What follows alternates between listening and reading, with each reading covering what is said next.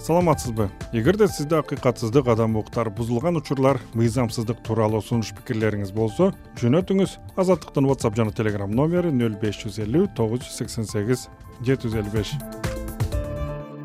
Азаттыкка ош шаарынан муратбек төлөнбаев кайрылган ал сегиз жылдан бери үй салуу үчүн жер участкага кезекте турганын орукчан апасы экөө он жылдан ашуун мезгил батирден батирге көчүп тиричилик жүргүзүп келатканын айтат. Үй алууга өзүнүн да саламаттыгы жол бербей жатканын айткан төлөнбаев мамлекеттик колдоого муктаждыгын бийлик айтат. Жашым кырк беште алтымыш тогуз жаштагы апам бар көзү көрбөйт оорукчан шаарда учурда ош шаарынын тургуну болом өзүм.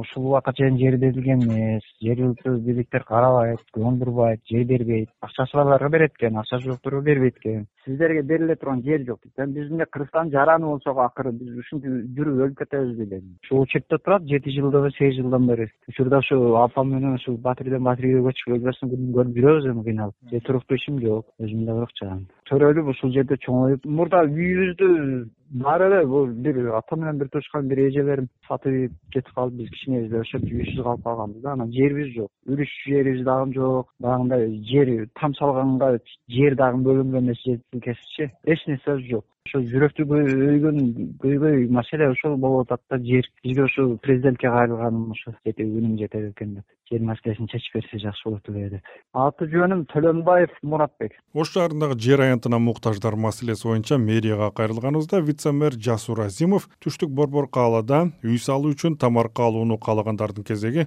он сегиз миңге чукулдаганын билдирип азыркы тапта шаарга жакын адыр арасында кең сай массивинен жер бөлүү тууралуу алдын ала изилдөө иштери жүрүп жатканын кошумчалады. Бизде кезек бар. Где то порядка он сегиз миңге жакын адам кезекте турат жер алуу боюнчачы бирок жерибиз жок өзү. Фактически жер жок. Биз арызына азыр биз албайбыз жерибиз жок десек аларды конституционный правасын нарушать кылынат экен да. Ошого биз алып атабыз арызды. Алып атабыз анан биз азыр мына ошо жапалакта кең сай массиви бар азыр архитектура разработка кылып атат. Где то порядка үч жүз гектарга жакын жерлерди карап атабыз азыр. Но это на стадии разработки это проект. Мы сейчас думаем только об этом. Жерди изилдеш керек назначение билиш керек. Биз ошону ген план иштеп чыгайлык деп атабыз. Маселени чечиш керек экен он сегиз миң адам очутта турса аларды чечиш керек да маселени. Экинчиси биз азыр он сегиз миң кишинин ичинде они уже с двухтысячного года очередьте турат да допустим. Аларды мен азыр тапшырма бердим ошо ижс отделге. Сортировка эткыла дедим там есть он сегиз миң адамдын ичинде там есть люди которые уже выкупили дома сатып алган болушу мүмкүн да. Бирок арызы турат да арызын унутуп калышкан арызы турат фактически бизде очередьте турат. Ипотекага үй алып алган болушу мүмкүн. Үчүнчүсү они могли уже утерить гражданство кыргызской республики может башка өлкөгө көчүп кеткен болушу мүмкүн. В связи с переездом. Ошону менге сортировать кылып тактагыла деп азыр мэр бизге мораторий туруп койду анан мына бизде амир тимур деген жерибиз бар он адыр деген жерибиз бар. Он адырда кыйшык жерлер бар склон жерлер барго адамдар даже ошол жерге макул болуп атат да ошол жерди алганычы биз өзүбүз өздөштүрабыз они готовы даже ошондойго даже готовы да жерди алганычы ошого биз азыр э, архитектура э, эгерде ген план боюнча ижске позволять этсе заключение берет то что эта земля ижсовская госрегистр заключение берет что эта земля не закреплена ни за кем бош деп берет да жерди. Биз ошо эки миң бешинчи жылдан бери кезекте тургандарды анан кезек менен беребиз. Трансформация бизде жапалакта закон действовал жапалакта где то бир тогуз миң гектар адашпасам я могу ошибиться азыр эсимде так жок. Ошондой жер сельхоз жерди эл ээлебаган жерди биз мыйзамдаштырып бердик на основании указа президента үлүстерге үй салып алгандары бар да эми только сельхоз жерге отургандар алар башка жерге это не распространяется. Жаңы жер аянтчалар үчүн трансформация иштери жүрбөйт. Кең сай массивинин бир бөлүгү ош шаарына дагы бир бөлүгү ош облусуна карайт. Буга чейин ош облустук капитал курулуш башкармалыгы кең сай аймагын электр энергиясы менен камсыздоо долбоорун жүргүзүп келет. Аталган аймакта жер аянтчыларын ээлеп үй салууга камынып жүргөн адамдар да бар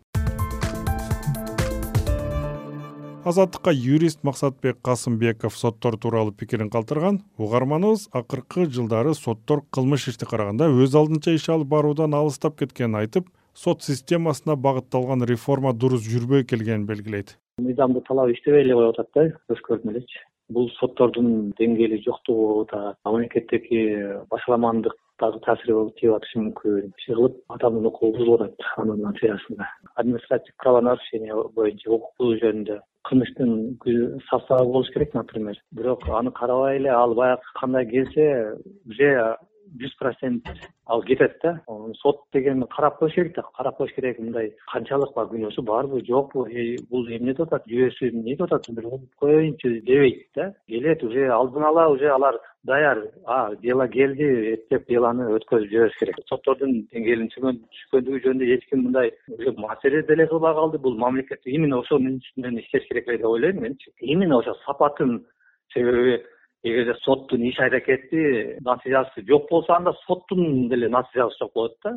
Анда соттун кереги жок болот андачы баягы билим жок өзүнүн деңгээлинде карап баягы соттук бере албайт натыйжаларын анын негизинде адамдардын укуктары тиешеленип атат уюш иш көп өтө.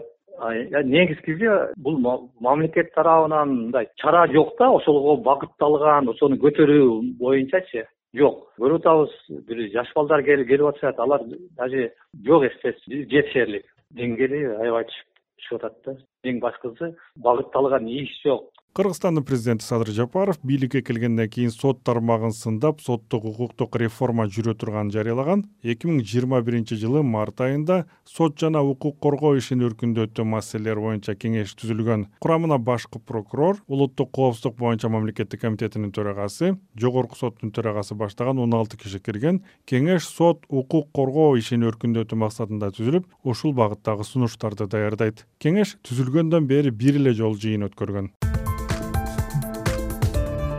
сиз угуп жаткан азаттык радиосу эфирде эл үнү берүүсү микрофондо сабыр абдымомунов. Студиябызга ак дала районуна караштуу жаңы талап айылынан марипа раимова келген. Ал мындан бир нече жыл мурда күйөөсүнүн көзү өткөндөн кийин үйүнөн ажырап көчөдө калганын айтат. Жалгыз кызы турмушка чыккандан бери жашоосу оорлоп кеткен раимова жергиликтүү бийликтен үлүш жерин алмаштырып берүүнү өтүнөт. Элге берилген үлүш жерден биз да алдык эле. Э, нөл алтымыш үчтөн өзүм кызым жолдошум бир сексен тогуз га үч жер талды суу участкасынан. Анан жердин эмеси тиги эмне эле жада калса шыпыргы өспөйт шыбак. Анда мында төө куйрук эптеп эле кутулду кылып бериптир. Менин ошол катары дагы бир манап деген бала алган. Ал казармадан иштеп акча таап барып буудай айдады. Комбайнга илинбей банкрот болдум деп ал айдабай койду. Дагы менин биягымдагы дагы айдала албаган анан жолдошум болсо колхоз убагында техника кенен май кенен убагында колхоз өздөштүрө албаган жерди мен кантип өздөштүрөм деп жүрүп кайтыш болуп калды. Мен пенсияга чыкканга да эптеп бирке акча төлөдүм. Э, ал десем албайт же айдалбайт. Таш жалаң эле. Тиги айылда жер бар кенен эле. Фомустан Э, арендага берет экен мен үлүш жерим үлүш жеримди суу баскан нормальный жерден алмаштырып бер үлүш жерге ээ болушум керек. Жолдошум өмүр бою иштеген кырманда сугатта өзүм да мугалим болуп иштегенмин. Сексен үчтөн баштап ташты берип койду каякта чындык мен кантип өздөштүрүп кантип налог төлөйм? Тамым да сатылган квартирада турам кызым турмушта булар менен сөгүшкөндө мушташканда эркек балам жок. Раимова марипа апиловна ак дала району жаңы талап айылынан биз бул кайрылуу боюнча жаңы талап айыл аймагынын башчысы улан айтмамбетовго суроо узатканыбызда марипа раимовага үйү сатылып кеткенден кийин он беш соттук жер бөлүп берилгенин арийне жер үлүшүн алмаштыруу мыйзамда каралбаганын билдирди. Айылда үйүн сатып акчасынан жооптарын ошентип алган киши. Негизи айылда дагы андан бөлөк да эме турак жай салуу боюнча деп он беш сотук жери да бар көчөнүн башындачы. Спонсорго киши табылбай атат да ошо. Эки комнат болсо эле бир переменка салып берсек болот этчи пока. Пока көбүнөн киши ага ишене бербейли бишкек шаарынан дүйшөнбек бабаев сунушун узатат. Угарманыбыз үйдө жумушсуз бирок үй иштерин жасап отурган аялдар төрөгөн учурда мамлекет тарабынан жөлөк пул берилсе анын үйдөгү түмөн түйшүгү жеңилдемек деген пикирде. Дүйшөнбек бабаев бул сунушун социалдык фонд менен өкмөткө да жолдоп колдоо таппай койгонун белгилейт. Чөрөп аткан келиндер эч кандай декретный отпуска дегенди билбейт акча төлөнбөйт балдарына төлөнбөйт. Бул только бюджеттик мекемелерде иштегендерде гана төлөйт экен. Ошондон улам мен ойлоймун ушул учетко алат сөзсүз э, медициналык э, мекемелер. Анан эмеси бар сөзсүз документтери бар. Баардык келиндерди ушул жашоо минимумга чейинки каражат бөлүп берсе деген пикирди айтмакчы элем. Себеби аялдардын кызматкер алынган да тиги. Саат мен билем кызматкерлерди ошон үчүн ушул пикиримди бир жеткизип койсоңор деп ойлодум да соц фондко барып эчени төлөмөй калсам мени шылдыңдаңыз коюшту сизге кыздарыңыз келиндериңиз төлөп атабы дегендей кылып. Анан жок ал төлөбөй менин кыздарымдын кудайга шүгүр иштери бар. А бирок жалпы кыргыз элинин көбөйүшү үчүн ушуну мыйзамдаштырса деген ойдо айнур алтыбаева деген анын артынан түшүп жүрүп ой акча жок деп өткөрбөй атат бул мыйзам бар деп мага оң жооп бербей койду эле. Ошон үчүн ушуну жеткизип койсоңуз. Ал э, акча алып келип аткан келинди эч ким зомбулук кылбайт күйөөсү да кайненеси да. Тескерисинче көзүң урап турбайбы. Ой бул бала баласына тиги. Мамлекет колдоо көргөзүп кийин бала дагы жакшы өсөт. Анан э, колдон келсе үч жаш беш жашка чейин ушул э, пособияны берсе деген ниет бар. Эми кудайга шүгүр мына алтын өз колго тийип бюджетке бир топ эле акча түшүп атат анан могу кенебой эмелер чыгарса э, мына соц фондко айылдан баштап могу жердеги частный мекемелердин баары байлардын баары төлөбөйт экен. Мен баарын иштедим да. Эң бай деген керек болсо дордойдо да иштедим. Алар жөнөкөйүңө кол койдуруп туруп берип коет экен акчаңды анан көрдүңүзбү соц толбой атат муну менен. Ушул жагын да карашса деген ойду алып айтайын деп өкмөт башчыга киргизбей коюшту анан мына деп эле чакырбай койду. Бабаев дүйшөнбек султанович иш шаарында ушуну менен элүүнү уктуруусун жыйынтыктайм. Бизге тема сунуштап пикир калтырыңыз. Байланыш үчүн телефон номерибиз нөл үч жүз он эки жыйырма бир токсон төрт жыйырма үч whatsapp номерибиз нөл беш жүз элүү тогуз жүз сексен сегиз жети жүз элүү беш. Элдин пикирин топтогон сабыр абдымомунов эсен туруңуз